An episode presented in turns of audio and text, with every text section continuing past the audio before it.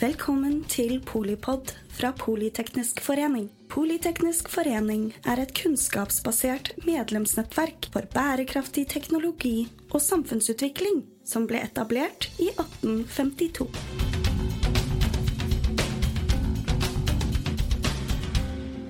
Hei og velkommen til denne episoden av Morgendagens næringer under Politeknisk forening sin podkast paraply som heter Polypod. I dag skal vi prate om morgendagens taxibransje, som jo er en del av persontransportnæringen. Mitt navn er Rasmus Bøgh Holmen. Jeg leder samfunnsøkonominettverket i, i foreningen. Og til daglig jobber jeg som partner i Vista Analyse. Med oss er vi så heldige å ha med oss kremen av taxinæringanalyse. Herunder Jørgen Aarhaug, forskningsleder Transportøkonomisk institutt. Guro Henriksen, partner i Oslo Economics. Øystein Trevland, generalsekretær i Norges Taxi. Og Knut Johannes Liland Hartveit, forsker ved Transportøkonomisk institutt. Så da begynner vi å ta litt for oss eh, næringens samfunnsbetydning, som vi vanligvis gjør i disse podkastene. Eh, og hvis vi først eh, tar for oss den rekte sysselsettingen, så er det jo litt forskjellige tall som marsjerer. Jeg så på SSB at det var drøyt 10 000 taxiførere og litt over 1000 i sentraler og annen formidling. Så er det kanskje noe annet der også og noe ligger utenfor og sånn. Men her vet jeg at det er mye, mye vanskeligheter i statistikken, Jørgen. Kunne ikke du sagt litt om det? Jo, det er veldig morsomt.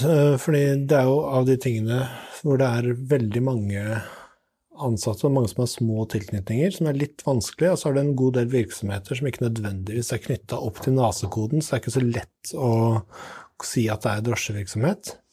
Hvis du regner at det er et eller annet sted mellom 12 000 og 17 000 drosjer som kjører lovlig, og så har De burde jo helst ha en løyvehaver eller en sjåfør på hver, og så har du omtrent en 5000-6000 ordinære arbeidsforhold, som da kommer i tillegg, pluss en del som er sysselsatte via sentraler og sånt noe. Så det er en god bunch med folk som jobber med drosje.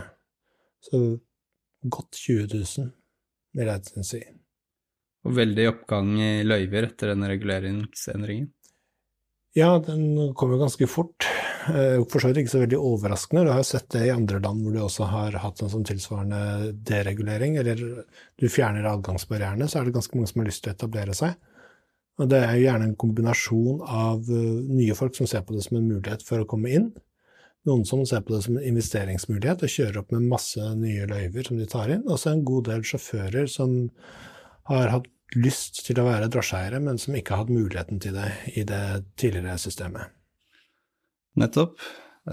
Sysselsetting og verdiskapning for næringen er selvfølgelig et viktig bidrag til samfunnet, men taxinæringen bidrar jo også mer, har en bredere samfunnsbetydning Øystein, dere tar jo oss ikke bare fra A til B, men fra A til Å.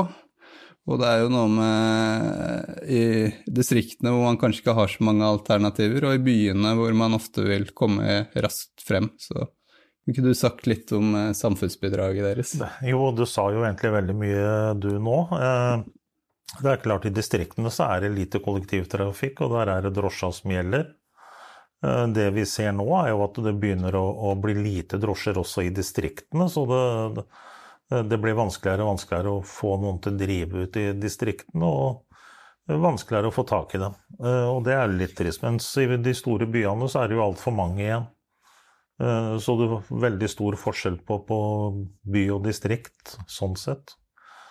Uh, samfunnsbidraget, vi har vel gjort noen regninger på det. Uh, og det som er, vi er noe overraska over, er jo at det ikke omsetningstall og sånt har øka i takt med økning av antall løyver.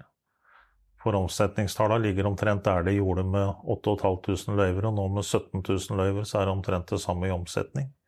Hvor mye er omsetningstallet på? Var det en 8-9 milliarder, og så ja, det sånt, gikk en rundt 3 milliarder inn i skatter og avgifter hvis du tar med alt som berører det med kjøp av drivstoff, dekk, eh, verkstedbesøk og alt dette her. Ja, Fint. Ok, så hvis vi går litt på mer eh, generelle markedsegenskaper og sånn, at bransjestrukturen, den eh, tenker jeg er fint å snakke litt om. Eh, for drosjenæringen det er jo noe de aller fleste har en relasjon til, eh, men jeg er litt usikker på om alle er klar over helt hvordan alt henger sammen. Eh, så nå tenker jeg vi skal snakke litt om hvilke aktører som er i næringen, eh, litt hvilke delmarkeder der er, og geografiske forskjeller. Da. Så Øystein, det er jo en del ulike aktører som er med. altså det er Drosjesentraler, løyvehavere, sjåfører, eh, plattformselskaper. Eh, kan du forklare litt hva disse ulike aktørene gjør? Ja, altså en drosjesentral eh, driver jo med turformidling eh, på alle slags eh, måter. Både med telefon, data, kan bestille på hjemmesidene, de har apper. Så de formidler turer på alle slags måter. Samtidig så har drosjesentralene mange ansatte som også handler da spesialtransport, handikaptransport, skoletransport, TT-kjøring som, som, eldre og folk som er uføre har. Så de driver jo hele pakka og sender disse turene ut i bilene som er tilslutta den sentralen. Og det er jo løyvehavere som er tilslutta, og sentralene sier at vi skal være så og så store. Det er det vi har behov for for å greie det markedet vi har. Og så har jo disse løyvehaverne sjåfører som er, er, ansatt hos dem igjen. Så har du plattformselskapene. De kjører jo utelukkende kun på app. Kanskje noe prideturer på gata i de store byene. Og formidler kun der. En liten tilføyelse er at den viktigste enheten sånn økonomisk er løyvehaveren.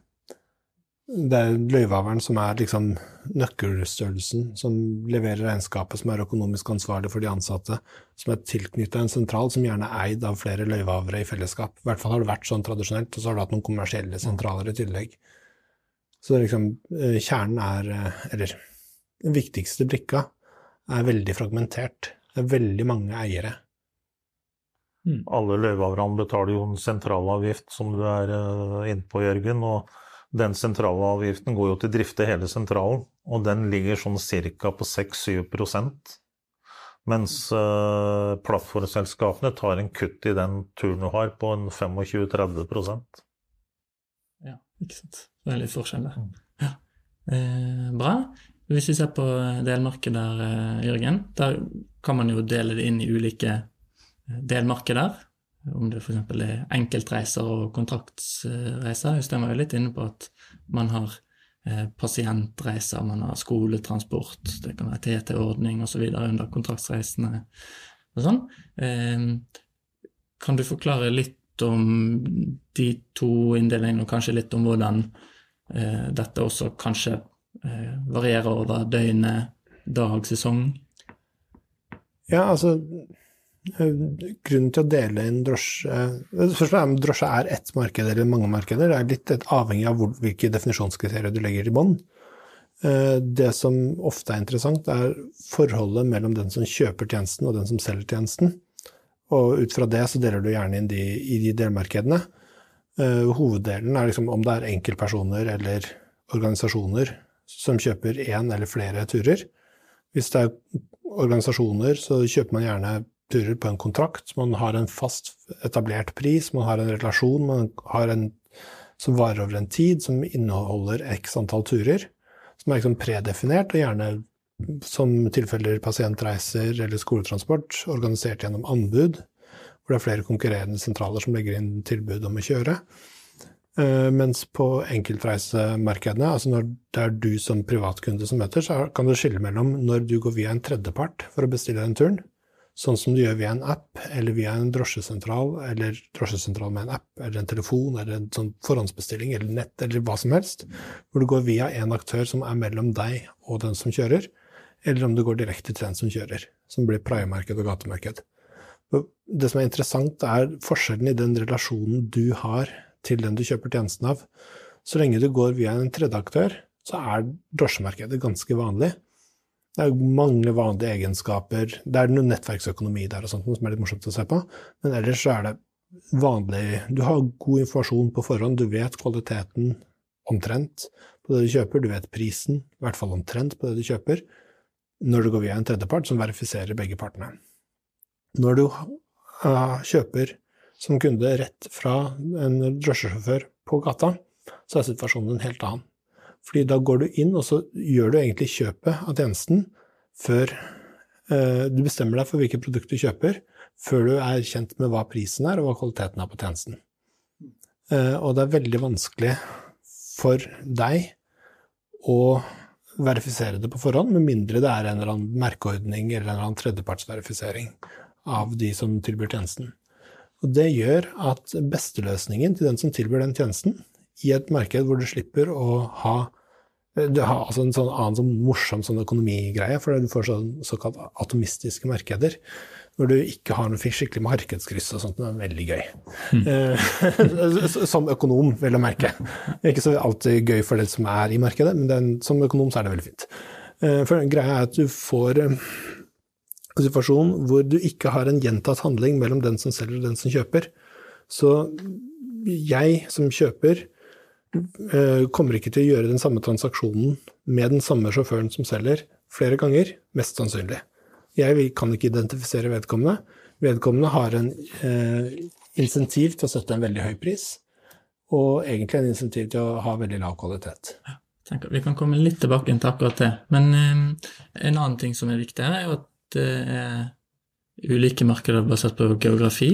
Eh, eh, Guro, der er jo litt forskjell på rurale og urbane markeder. Ja. Kan du fortelle litt om det? Ja, det handler jo egentlig om at etterspørselen etter drosjetjenester er veldig, veldig forskjellig. Både mellom steder og ulike tider av døgnet.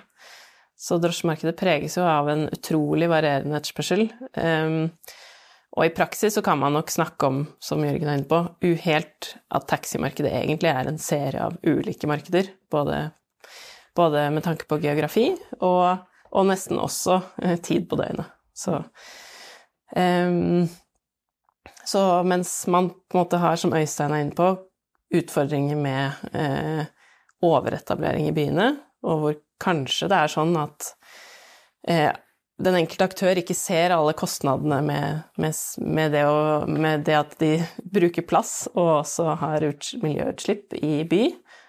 Eh, så har man en utfordring med veldig lavt tilbud i distriktene, eh, der det ikke er nødvendigvis kommersielt grunnlag for å drive Spesielt hvis man ikke eh, Disse markedssegmentene som Jørgen snakker om, kontraktsmarkedet og enkeltturmarkedet, de henger jo også nøye sammen, for det er veldig ofte den samme aktøren, særlig i distriktene, som, som eh, betjener begge de markedene. Og hvis en aktør f.eks. mister kontraktene i et, et, distrikt, så har du ofte et enda større problem med manglende tilbud i enkeltturmarkedet, fordi man ikke alene kan drive basert på at noen personer skal ha taxi til Eh, til enhver tid der.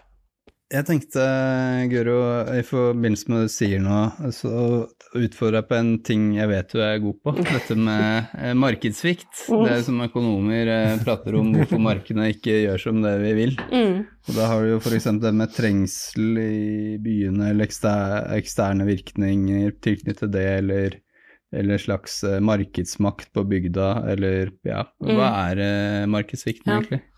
Markedssvikt er jo noe som vi økonomer syns er spennende, som gjør at det som vanligvis er regelen, er at markedet gjerne løser noe effektivt. Når det, når det er en markedssvikt, så, så, er det ikke nødvendigvis sånn da at markedet løser en oppgave effektivt uten at man går inn og regulerer.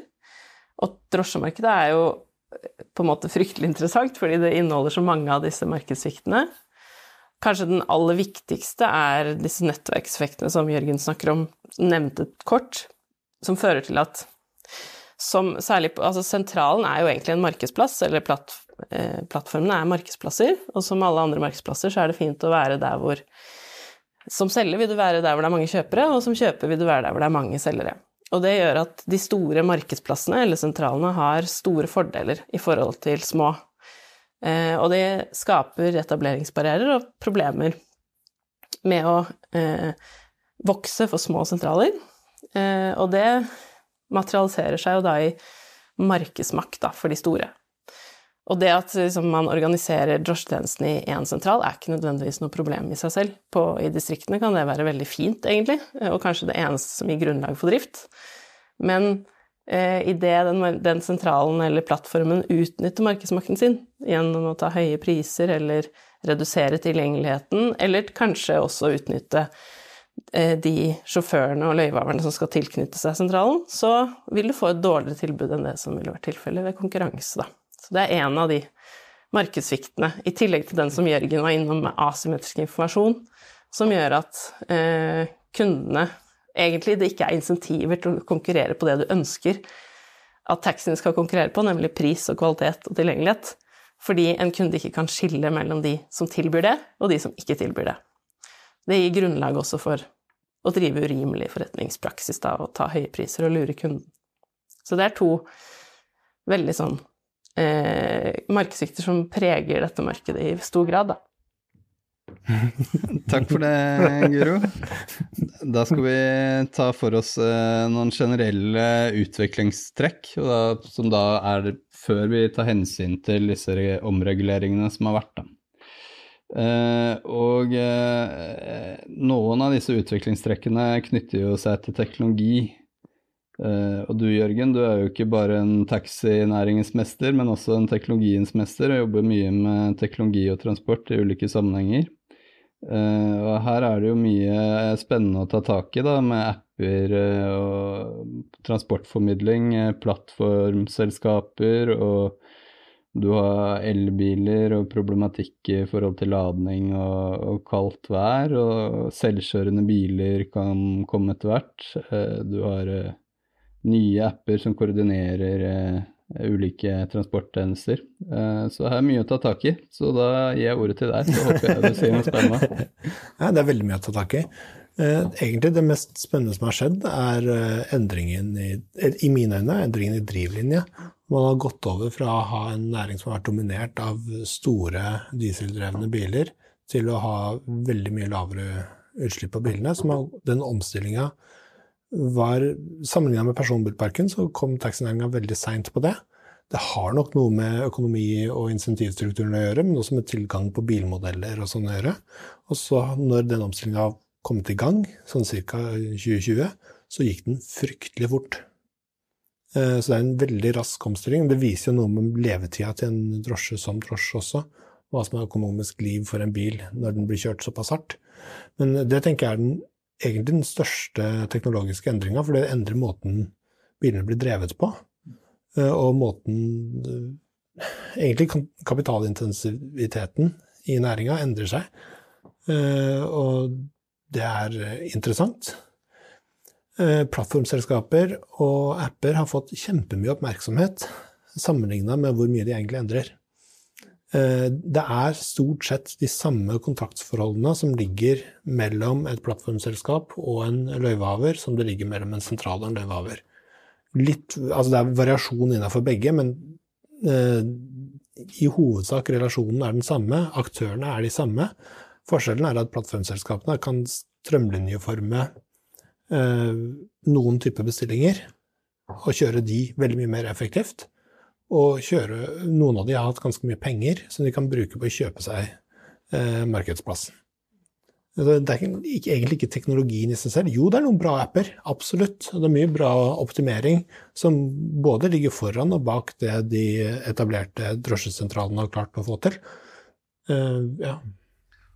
Ja, da er jeg uenig med deg, Jørgen. Ja. For jeg fant et eh, stykke her sånn fra Reiselivets uh, som dreiv og delte ut priser. For ti år siden så ble Oslo Taxi tildelt uh, som årets digitalvinner. Når de laga Taxifix-appen, og det er snart ti år siden, så vi var nok ganske tidlig ute. Ja, ikke Den er ikke noe dårligere. nei, nei, det var ikke det jeg prøver å si heller. Jeg måtte bare skyte det inn. Ja. Jeg, altså- jeg, tror, jo kanskje at uh, uavhengig av hvem som er best på teknologi, da, så er jo taxibransjen faktisk en av de bransjene som har vært organisert som plattformer fra før. Mens plattformøkonomien er ny i veldig mange andre bransjer, så er ikke den ny i uh, drosjemarkedet. Så både måte, fordelene og utfordringene har man sett fra før, da. Uh, men de kanskje de blir enda mer synlige når det kommer flere aktører på banen. Ja. Så kommer Uber og disse her i tillegg. Eh, men eh, ja, så da er vi over på det med konkurranseflater, da, Guro. Og da er det jo Vi snakka jo i stad om at kanskje man kan se på, på en taxi i et distrikt som er veldig grisgrendt, som et slags monopol, men de har jo kanskje monopolistisk konkurranse, er mer riktig, at de har noen sånne imperfekte substitutter her, da. Og da tenker man jo Eh, kanskje på, eh, på kollektivtrafikk noen steder. Og det kan jo også være andre tjenester, f.eks. Eh, tjenester tilknyttet transport eh, i forbindelse med reiseliv, hoteller og reisemål, selv om det er veldig regulert. Eh, så om du kunne si noe om disse konkurranseflatene vi her eh, står overfor, og gjerne også litt om en, en litt annen problemstilling enn det som går på uh, rekrutteringsutfordringene mm. til uh, mm. næringen. Ja, jeg tror du har rett i at man har på en måte ikke et perfekt monopol noe sted, for man konkurrerer jo i realiteten mot alle andre alternativer. Distrikt, I distriktene så er det kanskje ikke så mange andre enn din egen bil, men den er jo absolutt et alternativ. Eh, også, mens i byene så er det jo et stort integrert transportsystem hvor drosjene inngår som én del. Eh, og hvor man ønsker liksom, gjennom reguleringen å få til en effektiv fordeling der, da. At ikke det blir en sånn Så man får til en eh, rasjonell avvikling av trafikken. Og det er jo krevende, og en av de hvert fall en av de glidningene som har skjedd litt i det siste, er jo at kollektivtrafikken ikke i like stor grad er så rutegående som før, eh, og så store enheter som før, og at det på en måte utfordrer litt da grensedragningen mellom hva er egentlig en drosje, og hva er kollektivtrafikk, når deler av kollektivtrafikken er mer sånn on demand, da. Eh, så det er også når det gjelder, eh, når det gjelder eh, rekruttering, så har i hvert fall, det, jeg hvert fall hører fra taxinæringen at det er vanskelig å rekruttere, som i likhet med veldig mange andre bransjer sliter med å rekruttere. Eh, og en, sånn en utfordring i drosjemarkedet er jo nettopp den enorme variasjonen i etterspørsel som gjør at det krever egentlig en veldig stor fleksibilitet på tilbudssiden. Så det er jo en sånn konflikt mellom det å ha et heltidsyrke og gode arbeidsforhold, og samtidig kunne tilby en tjeneste som er der når folk trenger den. Så det er, det er også en sånn Du får takk for gode refleksjoner, Guro. Da sa vi en uh, kjapp replikk fra Jørgen. Eh, bare ett moment som har kommet til i det siste, på særlig byene, er elsparkesykler. Som er veldig tydelig konkurranse mot drosje. Og veldig mange av de samme brukerne. Så jeg, så liksom, jeg hadde jo spørreundersøkelse gående til elsparkesykkelbrukere. Hva de ville reist med på siste alternative tur. Eh, det har Gitt at det de svarer er representativt, og antall turer de har tatt er representativt, så er det fryktelig mange drosjeturer, eh, særlig på kvelds- og nattetid, som gjør det altså, vesentlig mindre attraktivt å stå på holdeplassene. Eh, eller har blitt det i løpet av de siste åra. Eh, ettersom du har eh, elsparkesykler isteden. Så det er et eh, viktig poeng å få fram. Så konkurranseflaten mot andre transportmidler har endra seg. For noen år siden så hadde jo også det at man innførte i Oslo at man fikk nattbuss på månedskortet istedenfor at man betalte det kommersielt. Tidligere så hadde vi et kommersielt nattilbud og et kommersielt drosjetilbud. Altså kommersielt busstilbud om natta og et kommersielt drosjetilbud om natta. Nå har du et subsidiert busstilbud eller kollektivtilbud om natta, og et kommersielt eh, drosjetilbud. Det endrer konkurranseflaten for de reisende hjem, og endrer økonomien i drosjevirksomhet, særlig på gata. Nå ser jeg du brenner eh, Nei, nei, jeg er helt enig med Jørgen. Jeg syns det er godt sagt. Og det er klart, Vi hadde jo noen billigbiler jeg drev og leide ut UI en periode i tillegg til dette også. Eh, så, så det er klart at det har blitt bredere tilbud, for å si det sånn. Eh, så burde de vel kanskje ikke tatt Jelsi sparkesyklene på natta, men eh, det får en annen snakk. altså, hovedpoenget er at det som har vært drosjenes greie, er at de kan få deg fortere fra A til B. Mm. Uh, og det er jo tidsverdien din som er litt styrende for hvilket transportmiddel du velger å bruke. Og med elsparkesykkelen så har du også fått et annet tilbud som tar deg fortere fra A til B i en viss distansespenn enn det rutegående kollektivtrafikk eller gange og sykkel gjør at du kan ha, eller kan nå. Ja, dette gjør jo eh, drosjenæringen viktig for eh, forretningsreisende, kan du si, for de har jo høy verdsetning av, eh, av tiden sin. Men eh, nå bør vi kanskje gå videre, Knut? Ja, jeg har ett spørsmål jeg har lyst til å følge opp på deg. For det eh, altså da, fordi den, hvis du kalle det den ordinære taxinæringen, møter da konkurranse fra mye flere nye steder. Eh, at f.eks. om det er elsparkesykler, eller om det er kollektivtransporten som begynner med bestillingstransport og sånn. Kanskje seinere kommer det selvkjørende biler. Hvordan hva tenker liksom Taxiforbundet om disse utfordringene? Hva gjør man? Nei, vi må jo bare innrette oss etter det som kommer, og akseptere det. Og det gjør vi jo så lenge det er konkurranse på like vilkår. Mm. Eh, så må vi takle det. Og kommer det kjør, selvkjørende kjøretøy etter hvert, så ja, kanskje jeg har én vanlig drosje da, som er eh, bemanna, og så har jeg én uten. Så kan jeg velge hvem som bestiller og hvor det er behov for hvilken av bilene, f.eks. Det er mulighet. Ja, for det, det, er jo godt poeng det at selvkjørende biler at det er jo noen Det er jo ikke alle som kan komme seg inn i taxien alene, de må ha assistanse. Eller? Ja, det er godt poeng. Ja, nei, da tenker jeg vi går over til eh, Nå har vi nevnt ordet omregulering flere ganger her, eh, så jeg tenker det må vi snakke om. Og eh, Stortinget vedtok i juni 2019 det som er kanskje den mest omfattende endringen i reguleringen av drosjemarkedet siden 1940-tallet.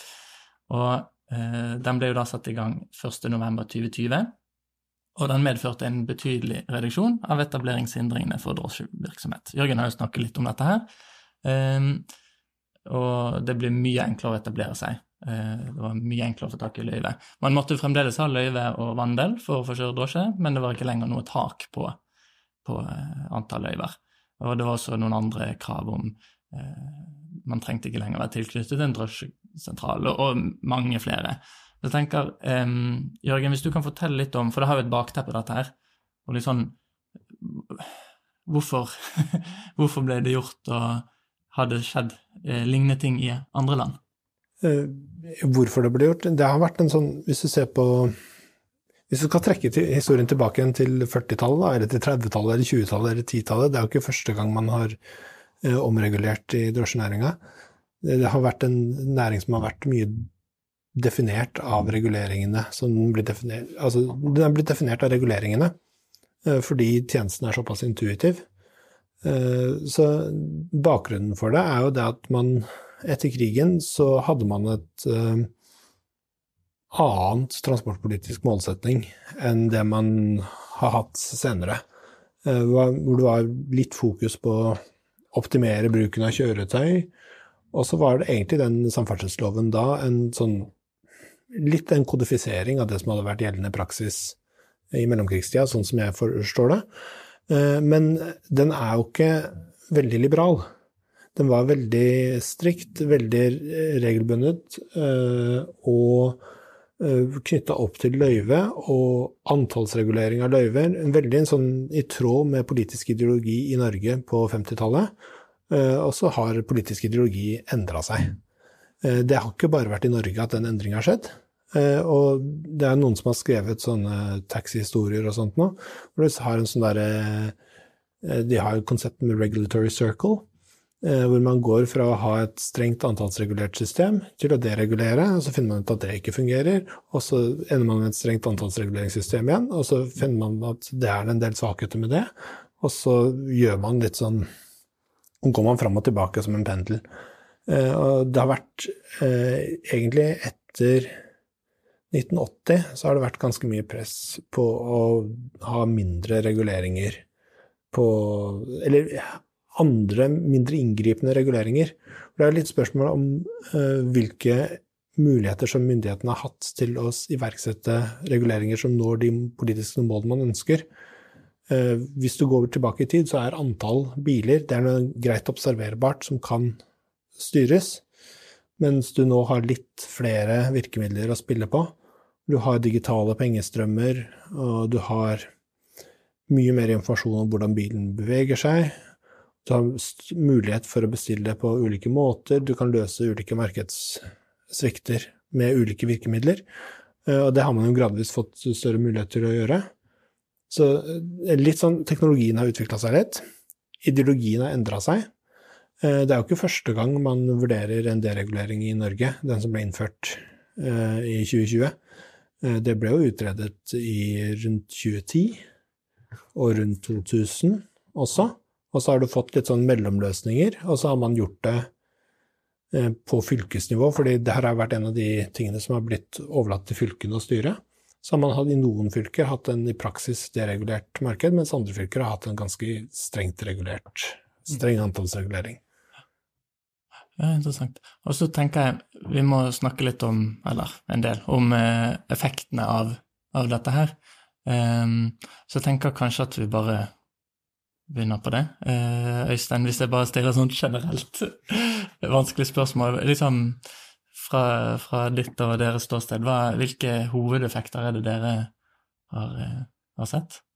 Nei, vi har jo sett overetablering eh, og enda dårligere arbeidsvilkår eh, for de som er der ute, og det, det er vi jo ikke tjent med.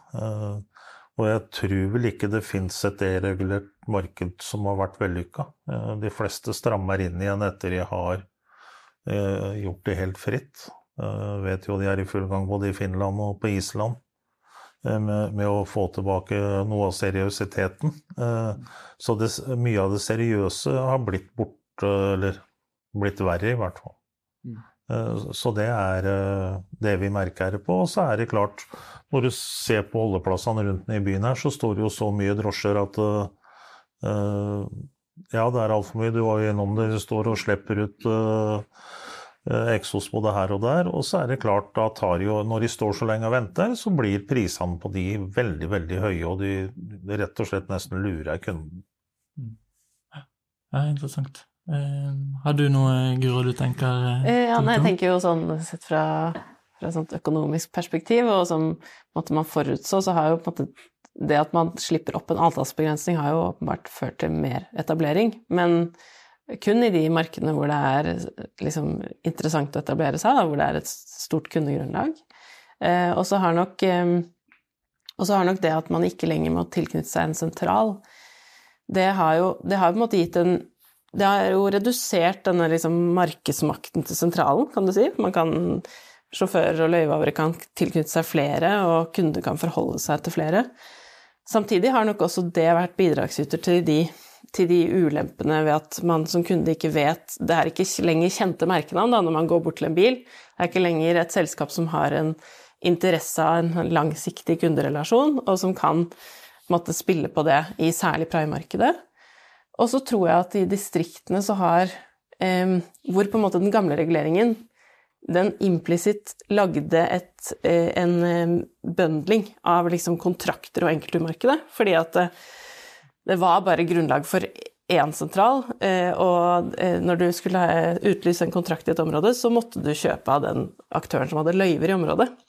Eh, mens nå så er det større frihet for aktører å komme inn i kontraktsmarkedene, men uten å gå etablere seg lokalt, da.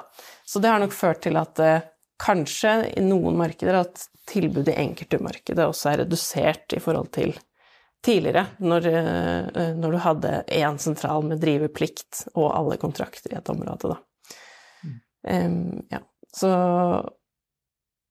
jeg tror at eh, man i hvert fall har kanskje undervurdert eh, effektene, særlig i by, på hvor uoversiktlig eh, markedet har blitt for de som særlig skal sette seg inn i en taxi uten å bestille på forhånd.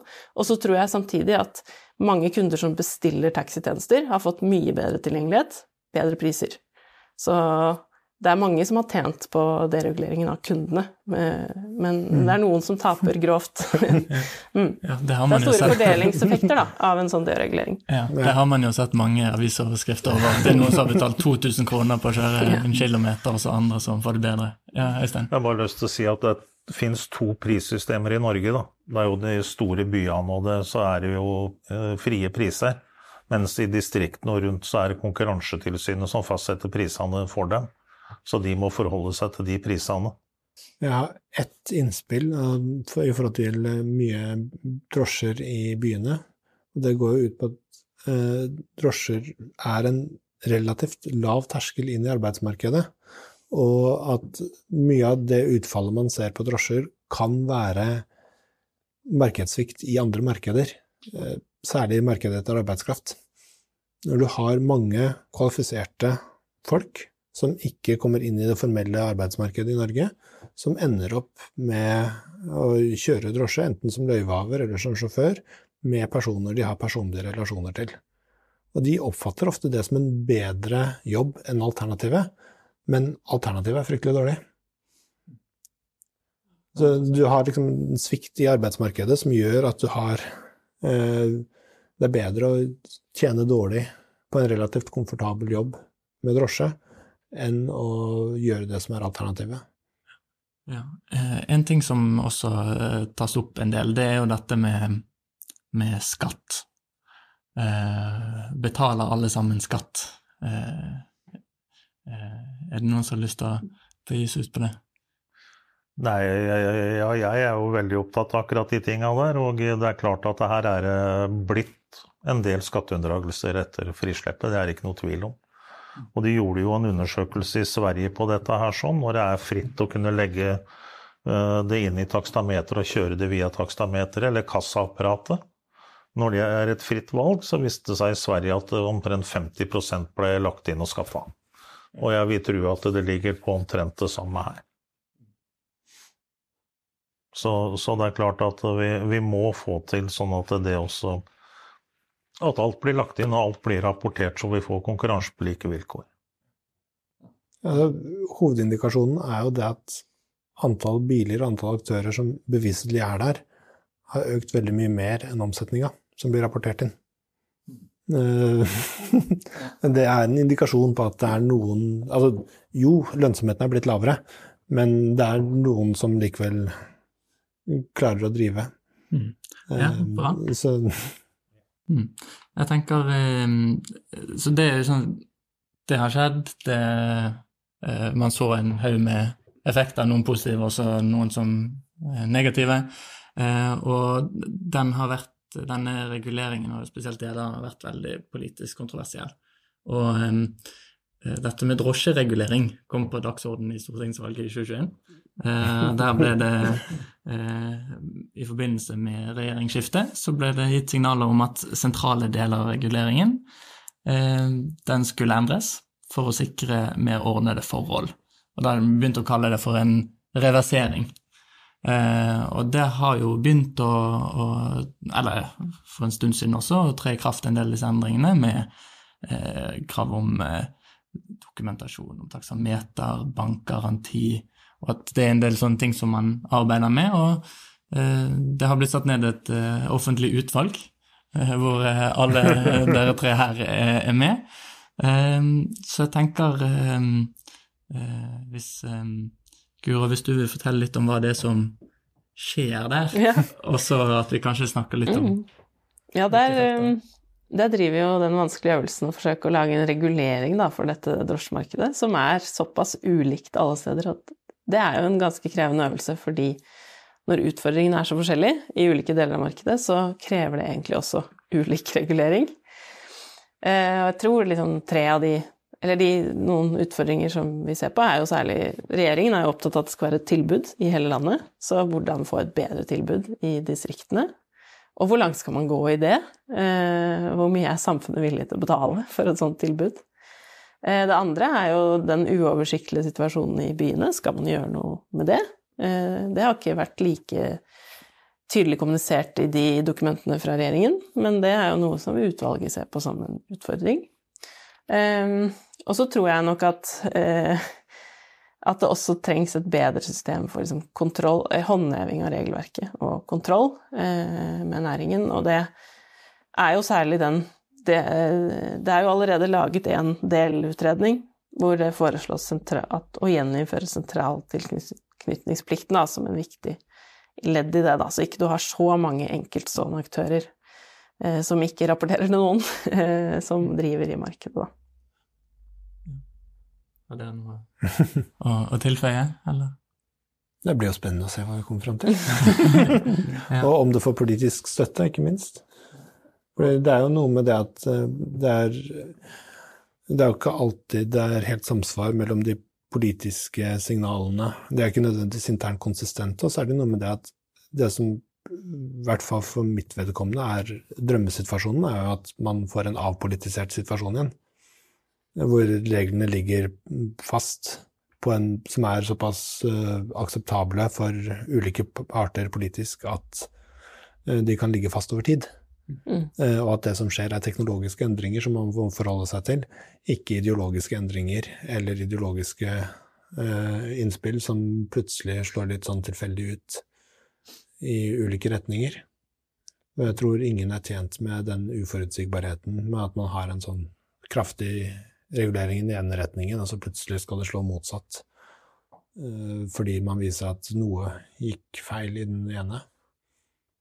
Det blir sånn overkorreksjon. Mm. Så hvis man liksom klarer å få på plass noe som holder litt over tid, så er jeg veldig fornøyd. Ja, vi er jo opptatt av arbeidsforhold. Eh, at de skal bli ryddige, og at det blir et eh, yrke å leve av. At sjåførene våre faktisk kan ha det som eh, heltidsjobb og, og kan leve greit av det. Da tror jeg også vi får mer seriøsitet i drosjene ute, og det skylder vi vel de som bruker oss, for å si det sånn, at det skal være ryddige forhold, og at ingen føler seg lurt på pris eller andre ting. Og, og at de yter en god service overfor kundene våre, det er viktig. Ja, det er jo også noen andre reguleringer her, da. Vi kan jo gå innom noen av de, da. Og et eh, punkt er jo dette med krav om eh, nullutslipp drosjer. Eh, her har vi notert eh, Vestland 1.4.2024, Oslo 1.11.2024. Eh, kunne du sagt litt om det, Jørgen? Ja, altså det er jo en reguleringsendring som skjedde før den vi har snakka om eh, i 2020. Eh, hvor man fikk lov til å lage, på fylkeskommunalt nivå, så fikk man lov til å lage kommunale regler for utslipp fra kjøretøyene. Litt sånn snodig konstellasjon sånn sett, eh, men man hadde en lang innfasingstid. Eh, og det man har sett, er at da man så på det i 2019 og 2018, så var det egentlig ikke biler som var egna, som kunne fungere som nullutslippskjøretøy i de markedene. Og det satte en liten begrensning på det. og samtidig, nå har man signalisert det. Det er vel en fire års innfasingstid fra man vedtok at man skal ha nullutslipp til det faktisk er gjeldende. Eh, og da har man fått tid til å forberede seg. Men eh, man, nå er det biler på markedet som kan oppfylle i hvert fall de fleste av de behovene man har for drosje, med nullutslipp. Samtidig så er det en del infrastruktur og sånt noe som ikke er helt på plass. Som gjør at det er litt vanskelig. Så det er litt optimistisk. Altså man har et vedtak som ikke nødvendigvis er helt eh, gjennomførbart. Eh, så eh, favoriserer de som har hus og kan lade hjemme. Du kan gjerne supplere på dette, Øystein, og så vil jeg også utfordre deg på dette med betydningen av avskrivningsreglene. For det er jo sånn at avskrivningene i regnskapene her, skattemessig, skjer jo relativt raskt, sånn at Eh, økonomer vil kanskje si at eh, isolert sett så er det et slags eh, subsidie ved at man kan kostnadsføre relativt raskt og da selge videre. Da. Og at, at det historisk har vært en, en, grunn til at man har ny, hatt en ny bilpark. Men her er det jo kanskje andre nyanser som du ja, vil fremme. Ja. Eh, det er nok litt feil at det er sånn nå, eh, men eh, tidligere, hvis det går en del år tilbake, så hadde vi refusjon på engangsavgiften når du kjøpte drosje, men den skrev du av i tre år. Du måtte kjøre bilen i tre år. Og det er klart, når du hadde da kjørt tre, mellom 300 og 400 000 km, så tjente du ikke noe særlig på den bilen, for å si det sånn. Det var ikke så mange som ville ha den da. Eh, moms, eh, merverdiavgiften, så har vi jo avskrivning på fire år, faktisk, når du kjøper bil. Eh, så bytter du for fire år, så må du tilbakebetale merverdiavgift. Mens andre, alle andre næringsdrivende har direkte avskrivning på merverdiavgiften. Så, så, vi har ikke noe fordel der heller. Nå innførte jo denne regjeringa litt avgiftslette på den typen biler som du kan bruke til rullestoltransport. Eh, så der har vi omtrent 50% refusjon på eh, engangsavgiften. Men fremdeles så er de eh, bilene, når du bygger om den til dette, dyrere enn å kjøpe en minibuss.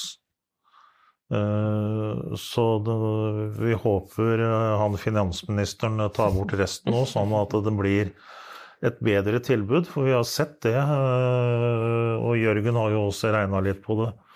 At det har gått veldig ned med innkjøp på den typen biler. Og vi vil jo gjerne tilby alle som har det behovet, også transport. Takk for den uh, fine redegjørelsen, Øystein. Da har vi vært gjennom ganske mye, og nå syns jeg det er tid for en sånn avsluttende kommentar. Og da må dere gjerne komme med liksom punchlinen her, som er det viktigste. Og også nevne det sentrale tingene som vi ikke har kommet inn på, men som vi burde vært inne på. Og da begynner vi med deg, Guro. Ja, takk. Jeg, jeg tenkte på én ting, og det er at man når man ser tilbake da, på sånne reguleringsendringer, så er det jo lett å tilskrive alle mulige endringer til det. Og, og, så glemmer man ofte at eh, det var jo noen utfordringer der før med de gamle reguleringene. Det var ikke sikkert at tilbudet var så godt på bygda, f.eks. Eh, og så har det jo vært en eh, koronapandemi midt inni her som gjør at det er ganske vanskelig å liksom se helt klart hva som har vært effekten av den nye reguleringen. Den har fått virke kort, da. Men en ting som jeg tror uansett at man er nødt til å gjøre noe med, er jo at det, det, holder jo ikke på en måte å ha reguleringer. Man er nødt til å håndheve de reguleringene man har. Eh, fordi i et marked hvor man ikke håndhever reguleringene, så, så blir det veldig ulønnsomt å drive lovlig. Eh, og lønnsomt å drive i, i grå, gråsonen av den reguleringen. Eh, og det er jo en ting vi har sett at det er kjempe det er, det er lite håndheving. Eh, så, så, det tror jeg i hvert fall er et sentralt poeng å få, å få gjort noe med, uavhengig av hvordan reguleringen til slutt ser ut, da. Mm. Absolutt et godt poeng. Dette håper jeg dere noterer og har med i det utvalget deres, hvis dere ikke har gjort det allerede. Eh, så da, Jørgen, du har jo hevet eh, blikket her og gått opp fra detaljene flere ganger med overordnede, gode perspektiver. Men eh, hva er dine sånne avsluttende, avsluttende bemerkninger? Ja, Jeg er helt enig med Guro at uten håndheving så hjelper det fint lite hva man finner på med regulering. Og også med problemet i distriktene. Det, er problem, det underliggende problemet er at folk flytter fra distriktene, og det er dårlig økonomi. Skal man ha et tilbud til og på en etterspørsel som blir stadig mindre, så koster det penger. Så må enten storsamfunnet inn med penger for å subsidiere det tilbudet, eller så må man si at i de distriktene så har man ikke tilbud. Og så er jo alternativene til drosje blitt bedre. Så det er ikke bare drosjene som har utvikla seg, det er jo konkurransen rundt. Privatbilen har blitt Flere eier privatbil. Økte masse i løpet av de siste par åra. Eh, flere har førerkort lenger reduserer etterspørselen etter eh, eh, altså tvungne drosjekunder. Så flere av kundegruppene har alternative transportmidler som er bedre enn det de var før. Og det gjør noe med etterspørselsstrukturen. Så hvis man skal ha et godt tilbud, så må det være penger inn og attraktivitet i å drive det. Man kunne jo brukt prismekanismen, men det ville neppe uh, blitt opplevd så veldig rettferdig og, og, vært så veldig gjennomførbart, tror jeg. Men uh, Uh, ja, Individuell prising. Ja, må det, ja. Nei, ja, de sier mye bra, de som vanlig, så det, jeg, det som står høyt for oss, er kontroller. Altså det må kontrolleres. Uh, alt må kontrolleres mye mer enn det det blir gjort i dag. Og så har, vi, har jeg et budskap uh, til kundene der ute. Og det er at de bestandig kan velge taxi sånn som holdeplass. Du må ikke ta den første bilen og be om pris på forhånd. Og be om kvittering. Det er viktige ting for kundene å ta med seg, sånn at de eh, kan finne tilbake hvem de har kjørt med, og de betaler en riktig pris. Og er du ikke enig i den prisen du blir tilbudt, så kan du gå til nestemann på holdeplassen og spørre. Takk for det, Øystein. Da tar vi en avsluttende replikk til deg òg, Knut. Siden du har jo også jobbet mye med næringen og ja, ja, eh, nå har jo de sagt veldig mye fornuftig, så jeg må Men det som jeg syns er spennende, er at eh, når man nå har begynt med den delvise reverseringen, så har man allerede begynt å se at det er nedgang i antall løyver. Eh, jeg sjekket det i går, og da var det nede på 1700-440, eh, mot da 18.100 i april 2023. Så der er det noen ting som allerede har begynt å, å, å slå inn. Så det blir veldig spennende å se hvordan dette her utvikler seg videre. Supert. Da tenker jeg vi runder av. Du har hørt på Morgendagens taxibransje, en podkast under podkastserien Morgendagens næringer, som igjen er en del av Politeknisk forening sin podkastserie Polipod. Med oss har vi vært heldige og hatt veldig flinke eksperter. Vi har hatt Jørgen Aarhaug fra TØI, Guro Henriksen fra Oslo Economics, Øystein Trevland fra Norgestaxi, og vi har hatt med Knut Hartveit fra TØI, også PF Samferdsel. Så jeg vil takke dere for innsatsen, og ikke minst vil jeg takke til deg som hører på. Kanskje du står der ute og venter på kollektivtrafikken, eller kanskje du eh, venter på en kompis som skal hente deg, og det begynner å bli kaldt og lenge å vente. Da kan du vel ta en taxi, Øystein?